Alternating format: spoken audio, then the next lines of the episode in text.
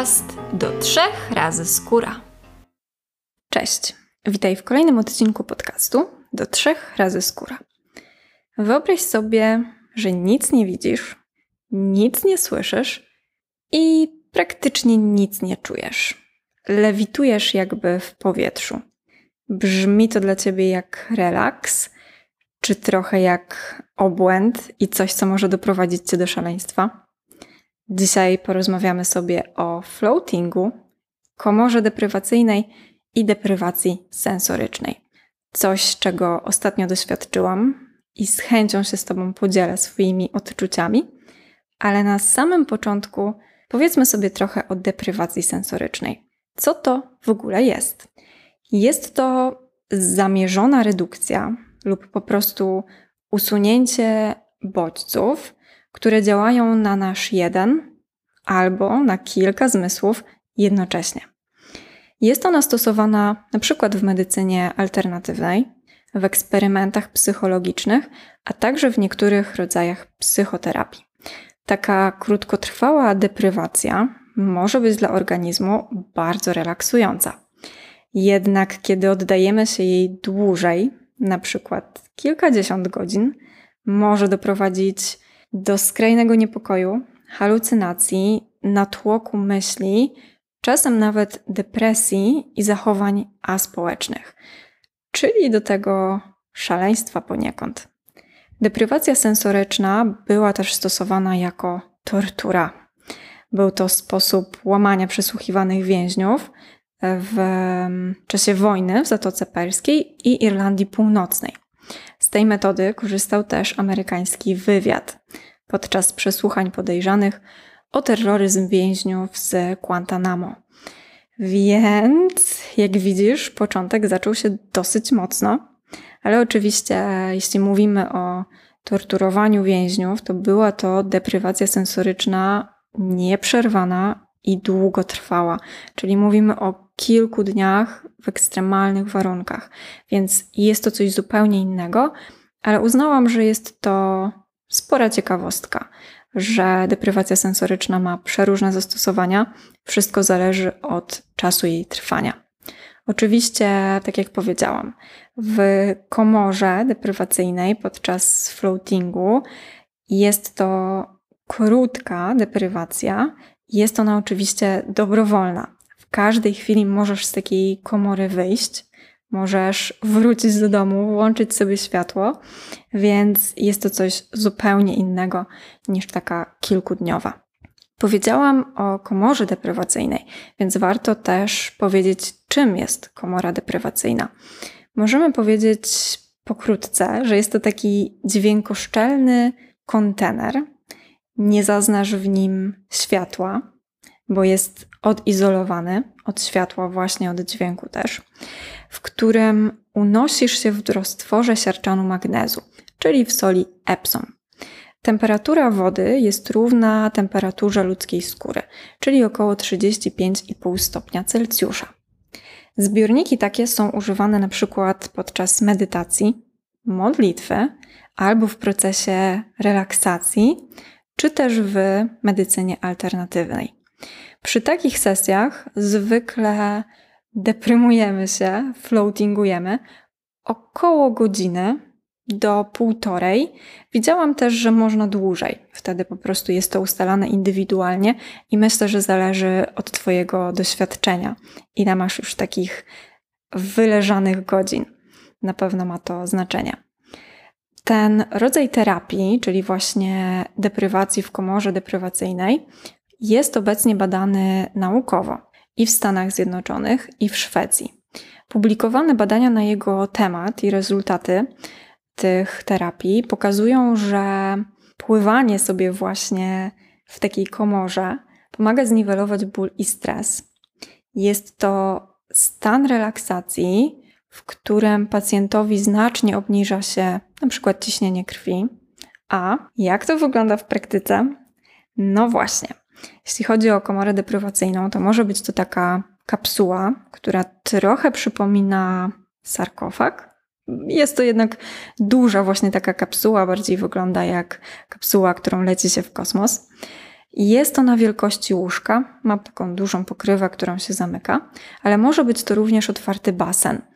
Otwarty, może nie otwarty, po prostu na zasadzie takiego prostokąta, gdzie masz bardzo dużo miejsca. Czyli nie jest to kapsuła, że leżysz i dotykasz praktycznie sufitu, tylko masz około 2,5 metra długości, gdzieś z 1,5 metra szerokości i też z dwa chyba wysokości. Więc jest to po prostu taki prostokąt, w którym jesteś. Nazwałam to basenem. Woda w takich komorach albo basenach zwykle jest po kostki, więc nie musisz się bać, że nie potrafisz pływać, bo nie jest ci to potrzebne. Można się utopić w takim miejscu, ale do tego przejdziemy sobie później. Generalnie nie musisz umieć pływać i nie masz się czego obawiać, bo ta woda jest płytka, więc jeśli będziesz przestrzegać wszystkich zasad, które warto przestrzegać przed, w trakcie bycia w komorze, to na pewno nie grozi ci utonięcie. Klaustrofobia. Tutaj powiedziałabym, że też nie ma problemu, bo i basen, i sarkofag może być otwarty. Może być też zapalone światło. Więc jeśli przy pierwszej swojej sesji obawiasz się, że coś będzie nie tak i zareagujesz lekką paniką, albo właśnie masz klaustrofobię, to możesz sobie po prostu lewitować przy otwartych drzwiach, przy otwartej kapsule i nie będzie z tym problemu. Możesz też mieć właśnie zapalone światło. Warto powiedzieć, że kiedy oddajemy się floatingowi, to najlepiej zrobić to nago. Czyli nie potrzebujemy żadnego stroju, mamy swój pokój, mamy swoją kapsułę, więc możemy się tam czuć bezpiecznie i komfortowo. Nie będzie nam potrzebne żadne ubranie. Oczywiście, jeśli nie czujesz się z tym dobrze, jak najbardziej możesz sobie taki strój nałożyć, ale ogólnie polecam po prostu nago. Jeśli chodzi o to lewitowanie, bo bardzo często powtarzam to słowo, to czujesz się tak bardzo lekko i właśnie czujesz, jakbyś lewitowała, bo roztwór soli utrzymuje cię na powierzchni, więc nie czujesz siły grawitacji. Nie czujesz też tarcia ubrań, jeśli na przykład oddajesz się terapii nago.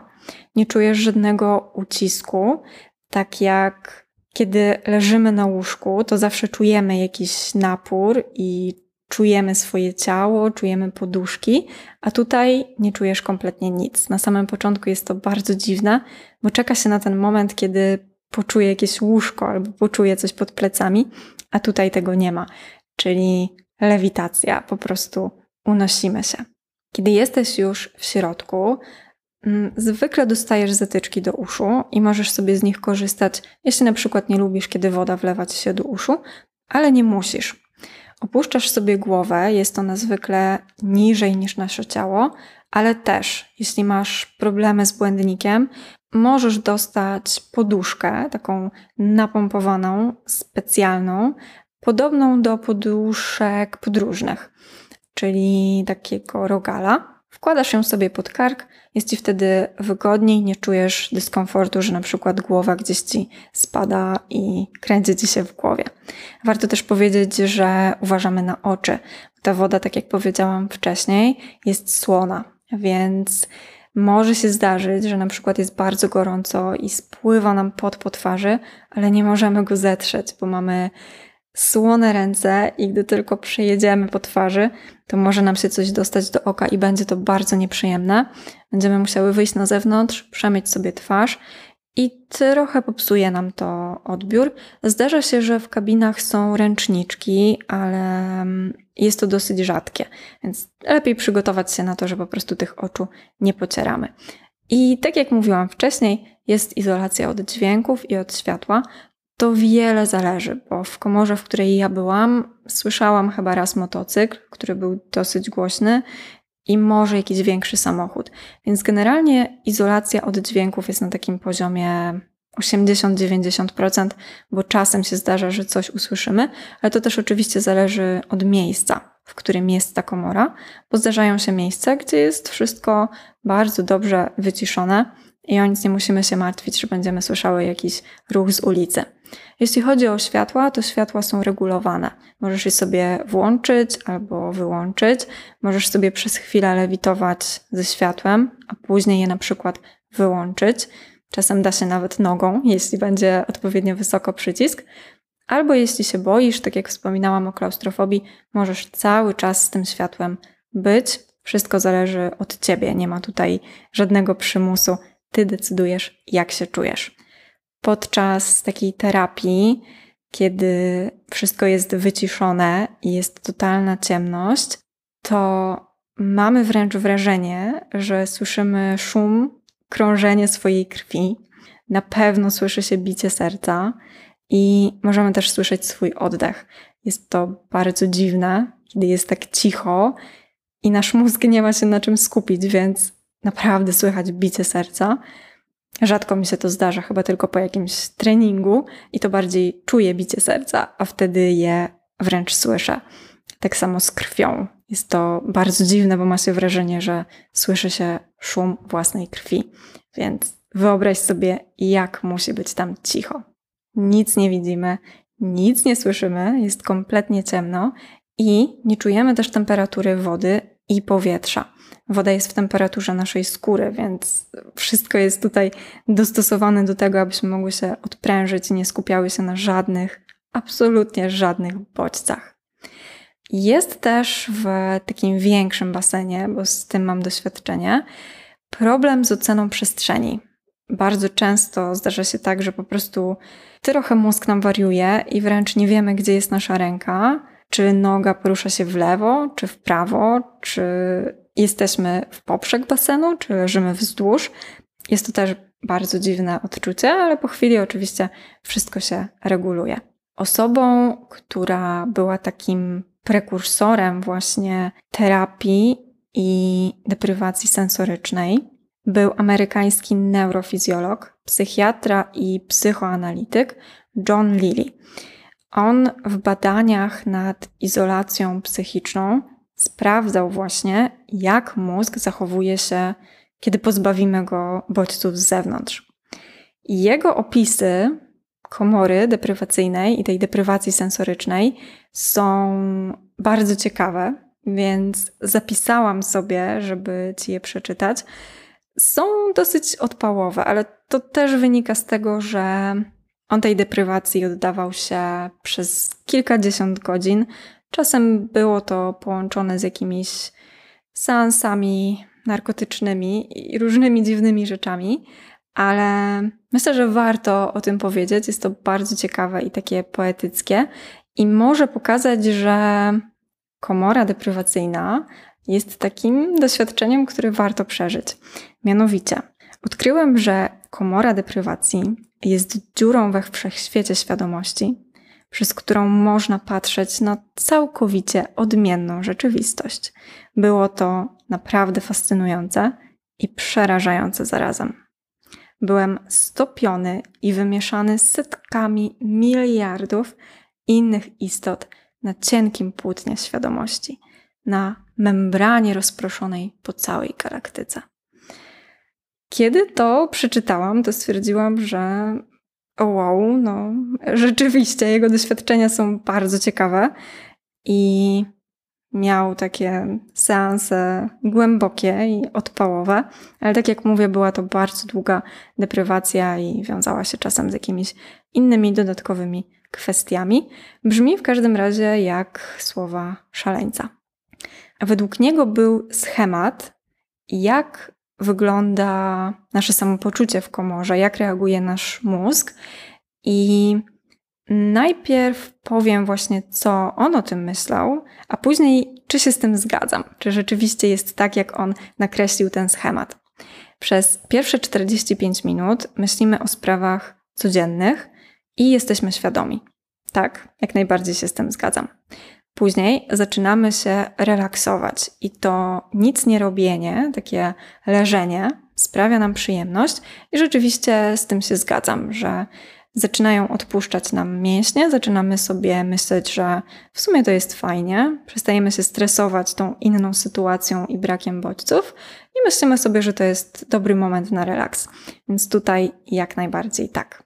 Kolejna godzina, czyli na przykład jeśli idziemy na seans półtora godzinny, bo takie też oczywiście są, pojawia się napięcie i chcemy coś robić. Pojawiają się jakieś odruchy pocierania skóry albo na przykład rozciągania mięśni. I u mnie tak właśnie było. I już po czasie może nie tyle czułam, że się nudzę, tylko czułam, że coś jest nie tak, że trochę za długo leżę. I właśnie zaczęłam albo pocierać skórę, albo rozciągać sobie mięśnie, przekładać gdzieś udo, leżeć inaczej, w sensie układać sobie nogi po prostu jedna na drugiej, więc tak, z tym też się zgodzę. Później zaczyna się wejście w głąb siebie, swoich problemów lub zamknięcie na to, czyli właśnie odrzucenie wszystkiego tego, co myślimy.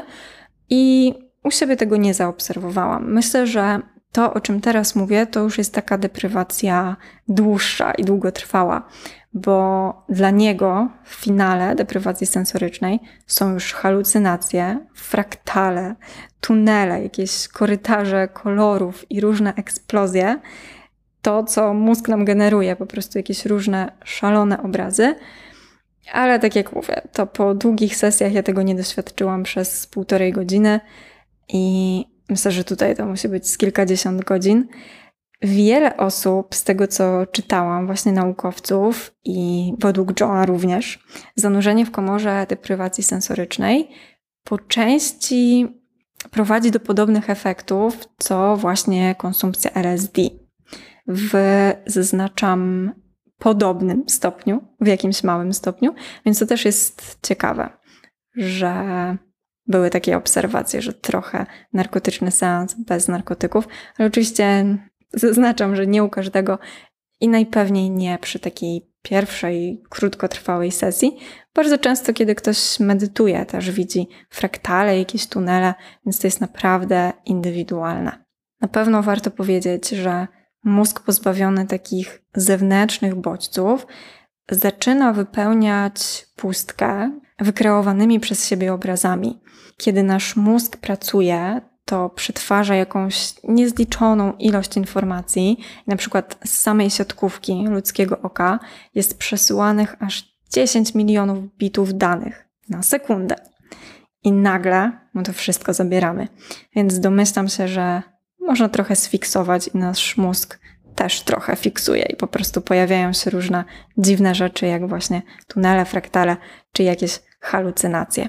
Jeśli chodzi też o moje doświadczenia, to tak sobie myślę, że niby woda była w temperaturze ciała, ale dla mnie mogła być minimalnie cieplejsza, chociaż tak o pół stopnia. Czułam momentami, że troszkę marzna, co jest dziwne, no bo wszystko powinno być dostosowane do temperatury mojego ciała. Dziwne było to, o czym wspomniałam też wcześniej, że nie mamy poczucia swojego ciała i często nie wiedziałam, jak leżę, i wydawało mi się, że leżę nieruchomo i nic nie robię ze swoim ciałem, a obracało mnie w poprzek. Zaczynałam swój seans leżąc w basenie wzdłuż i nagle czułam, że zaczyna robić się strasznie ciasno i kiedy dotykałam krawędzi, okazywało się, że leżę w poprzek. Na samym początku też było takie uczucie niepokoju, że jest to coś nowego, zabieram coś mojemu mózgowi, nie ma tych bodźców i pojawiają się myśli, że hmm, może stąd uciekać, że coś jest nie tak. Jest właśnie takie małe uczucie niepokoju, ale to oczywiście szybko minęło. Też przez chwilę miałam taką mikropanikę, że minęło dopiero 15 minut, że wydaje mi się, że leżę tak długo, a przez chwilę mózg dał mi takiego pstryczka, że hej, a co jeśli minęło 15 minut? I wtedy jest taka panika, że nie, nie, chciałam to kontynuować i nie przerywać, a jeśli rzeczywiście minęło 15 minut, no to trochę kaplica. Pojawia się też chęć kontroli i sprawdzania godziny, też pewnie nie u każdego. Ja nie mam takiego poczucia czasu, więc dużo pojawiało mi się takich myśli, że kurczę, ciekawe, która godzina, że mógłby być tutaj jakiś zegarek, żebym chociaż wiedziała, ile minęło czasu. I też pojawiała się chęć robienia czegoś, czyli myśli na zasadzie, no dobra, już się wyleżałam, teraz chciałabym zrobić coś produktywnego. Na przykład mógłby tutaj lecieć jakiś film, albo posłuchałabym sobie trochę muzyki. Więc tutaj też już trochę zaczął mi mózg odwalać, chciał po prostu jakichś bodźców i nie potrafił sobie leżeć i odpoczywać. Swędziała mnie też skóra. I nie wiem, czy to od soli, czy dlatego, że po prostu mój mózg był totalnie zdezorientowany, bo mózg spodziewa się informacji o jakichś doznaniach zmysłowych, do których jesteśmy przyzwyczajeni w codziennych, normalnych warunkach, ale w komorze ich nie dostaje. I przy takiej długotrwałej ekspozycji na właśnie deprywację sensoryczną, nasz mózg, tak jak wcześniej tworzył sobie obrazy, tak może tworzyć też pobudzenia w neuronach, które są odpowiedzialne za przetwarzanie informacji z naszych zmysłów. Więc doznanie zmysłowe jest wtedy wytwarzane przez mózg wewnątrz mózgu, ale osoba, która jest w komorze, kabinie deprywacyjnej, ma wrażenie, że ten bodziec pochodzi z zewnątrz. To prowadzi do powstania właśnie omamów dotykowych, takich jak swędzenie.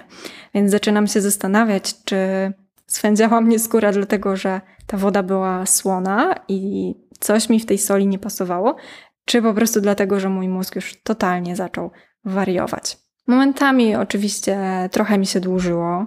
Myślałam, że jeszcze poleżę chwilę i chyba to kończę, że mogłabym już w sumie wyjść, ale jednocześnie nie chciałam sama tego kończyć. Chciałam poczekać półtorej godziny, tak jak jest ustalone, i zobaczyć, co się po tym czasie wydarzy.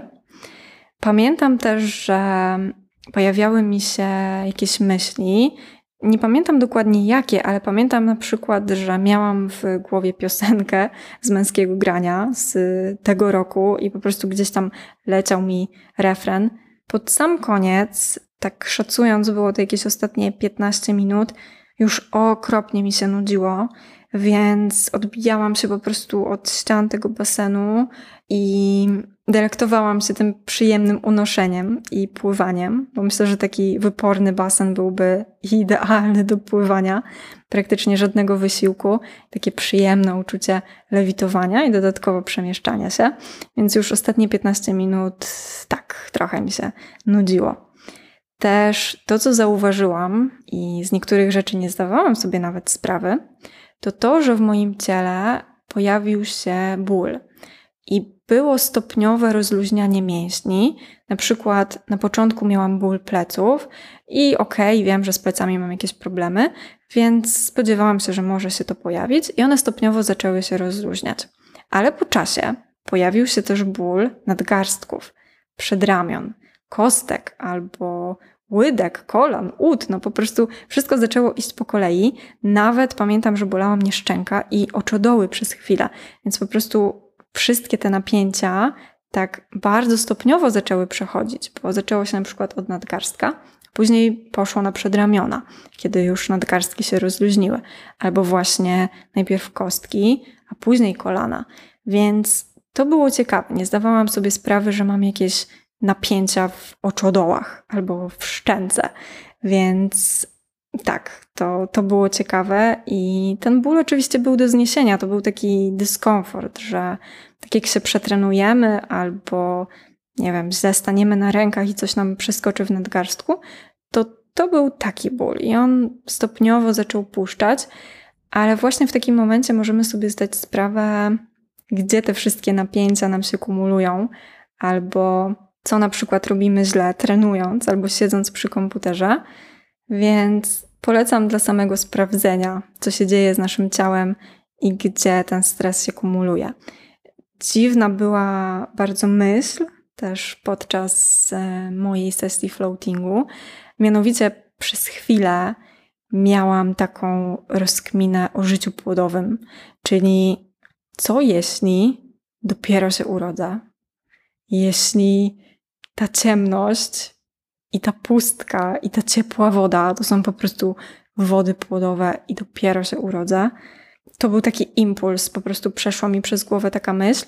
Nie było żadnej paniki albo jakiejś większej rozkminy, tylko po prostu taka myśl: o kurde, no, byłoby trochę słabo, jeśli wszystko bym pamiętała, urodziłabym się znowu noworodkiem, ale już rzeczywiście mój mózg zaczął coś tam sobie generować. Jeśli chodzi o ogólne odczucia, to myślę, że nie było żadnej ekscytacji, ale też nie było obojętności. Byłam gdzieś tak po środku. Myślę, że ciekawe doświadczenie, że warto chociaż raz sobie na coś takiego pozwolić. Jak wychodzi się z komory, jest trochę uczucie jak po śnie albo po jakiejś drzemce, ale jestem pewna, że nie zasnęłam. Jest ta świadomość, ale z drugiej strony mózg trochę jest zaspany. Po wyjściu jest też pusta głowa i potrzebujemy chwilę, żeby obudzić nasz mózg. Miałam też opóźnione ruchy i mowę, czyli takie ciężkie ciało, szuranie nogami. Dużo szuram na co dzień, ale wtedy po wyjściu więcej. Więc widać, że był jakiś relaks, że coś tam się spowolniło w moim mózgu i w moim organizmie, bo potrzebowałam chwili, żeby wrócić jakby do równowagi. Tak jak wspominałam wcześniej, pobyt w komorze deprywacji sensorycznej może dać głębokie, jakieś traumatyczne doświadczenie, bo pozwala nam to totalnie zajrzeć w głąb własnej psychiki, umożliwia też stawienie czoła jakimś fobiom albo lękom i albo przełamanie ich i sięgnięcie do tego, albo właśnie próba odrzucenia tego. Eliminacja jakichś zakłóceń zewnętrznych bardzo często jest praktykowana w religiach, ale jest też ważna w samorealizacji, w eksplorowaniu własnych możliwości i w wielu filozofiach i właśnie religiach stanowi też taką podstawę do osiągnięcia szczęścia. Więc to też jest taka ciekawa myśl.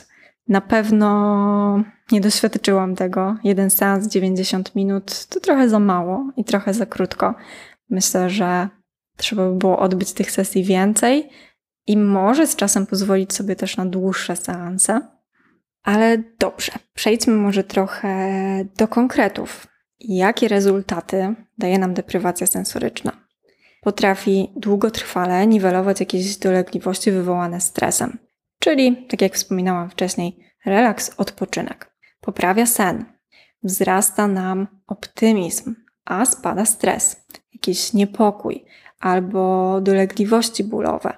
I tutaj mówimy o takich seansach bardzo regularnych po 12 miesiącach regularnego spotykania się właśnie w komorze.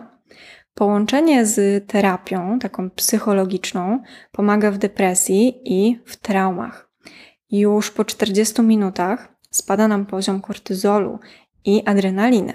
Czyli, tak jak chwilę temu mówiłam, po prostu opada nam stres. Jesteśmy bardziej zrelaksowani, i tutaj możemy to porównać po prostu do takiej relaksującej kąpieli, czyli coś, co możemy sobie w domowych warunkach stworzyć. Mówiłam, że wzrasta nasz optymizm, dlatego że zwiększa się ilość endorfin. Rozluźniają się napięcia mięśni, co sama doświadczyłam i o czym Ci opowiadałam, jest takie ogólne odprężenie, wyciszenie, odciążenie też umysłu. A jakie są zagrożenia? Uczeni mówią, że jest to trochę nienaturalne i niefizjologiczne. Taka cisza, odcięcie od wszelkich bodźców, że można naprawdę popaść w obłęd. Że na co dzień nasz mózg przetwarza tyle informacji, że po prostu w tej ciszy i ciemności wariuje z nudów.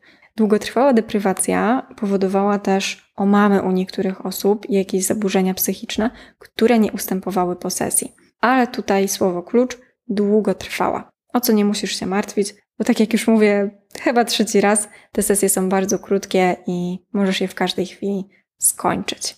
Zastanawiasz się pewnie, gdzie takie komory deprywacyjne są czy to są tylko jakieś luksusowe spa, drogie hotele albo zagraniczne miejsca.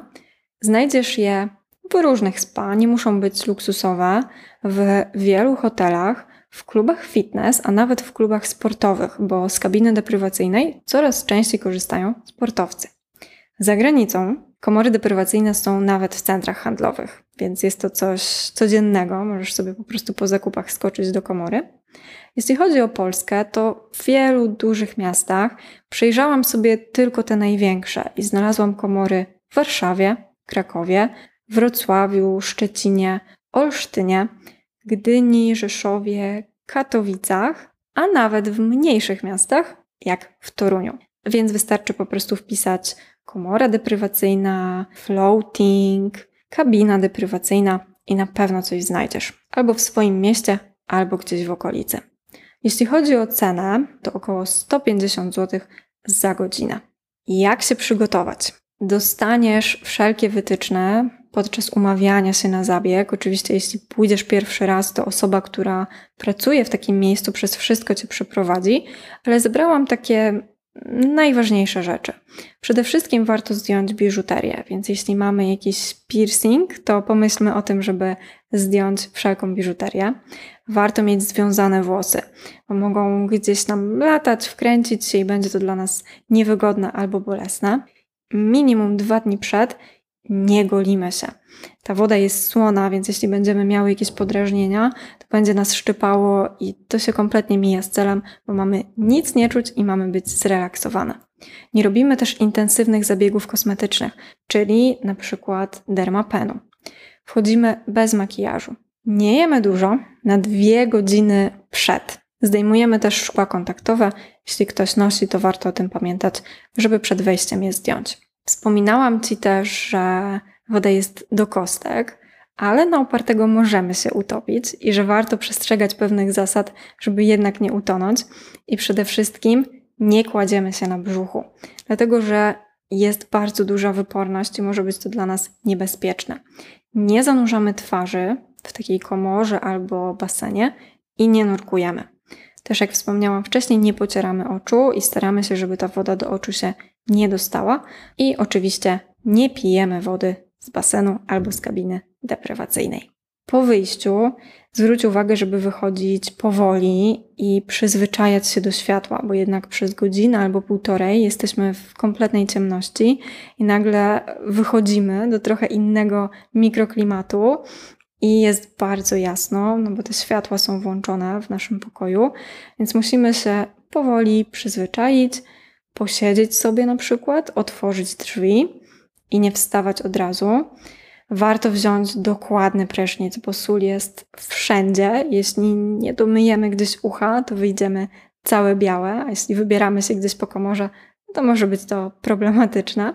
I to, co jest ważne, jeśli na przykład prowadzisz auto, albo w ogóle zanim wyjdziesz gdzieś w miasto, to daj sobie minimum 15 minut na taki odpoczynek, na relaks po tej komorze i na wrócenie też do równowagi. Bo tak jak mówiłam, u mnie ten mózg był trochę pusty, głowa była opróżniona, ruchy trochę spowolnione i właśnie takie szurające, więc kiedy wsiadłabym taka za kierownicę, to myślę, że byłoby to bardzo niebezpieczne. A nawet przechodząc przez pasy, mogłabym jeszcze nie ogarnąć, że jedzie jakiś samochód albo nie mam zielonego światła. Więc daj sobie chwilę na odpoczynek, posiedź w miejscu relaksu. Bardzo często zdarzają się oddzielne miejsca właśnie w komorze deprywacyjnej. Kiedy jesteś już umyta, przebrana, masz swoje ubrania, swoje klapki, możesz sobie usiąść i po prostu odpocząć. I na sam koniec przeciwwskazania. Nie wolno wchodzić do komory deprywacyjnej, kiedy jesteśmy w pierwszym trymestrze ciąży i kiedy menstruujemy. Warto też zwrócić uwagę, czy mamy jakąś uszkodzoną i podrażnioną skórę. Z komory deprywacyjnej nie mogą korzystać osoby, które mają rozrusznik serca albo niedociśnienie tętnicze, epilepsję, zakrzepicę lub stwierdzone choroby psychiczne. Zdarza się też, że mając zapalenie ucha środkowego, również nie możemy skorzystać z komory deprywacyjnej. Świeżo wykonany tatuaż, piercing też odpadają. Należy odczekać minimum jeden tydzień. To jest takie absolutne minimum. Jest oczywiście zakaz spożywania alkoholu i narkotyków. Ok, odcinek o komorze deprywacyjnej za nami. I moje doświadczenia już znasz. Ciekawa jestem, czy zainteresowałam Cię deprywacją sensoryczną do tego stopnia, że poszukasz zaraz miejsca w swoim mieście albo gdzieś w okolicy i wybierzesz się do takiej komory. Koniecznie daj mi znać, jak było, co czułaś, a jeśli jeszcze temat przed tobą, to napisz, jak myślisz. Zrelaksujesz się, czy oszalejesz? Do usłyszenia w kolejnym odcinku.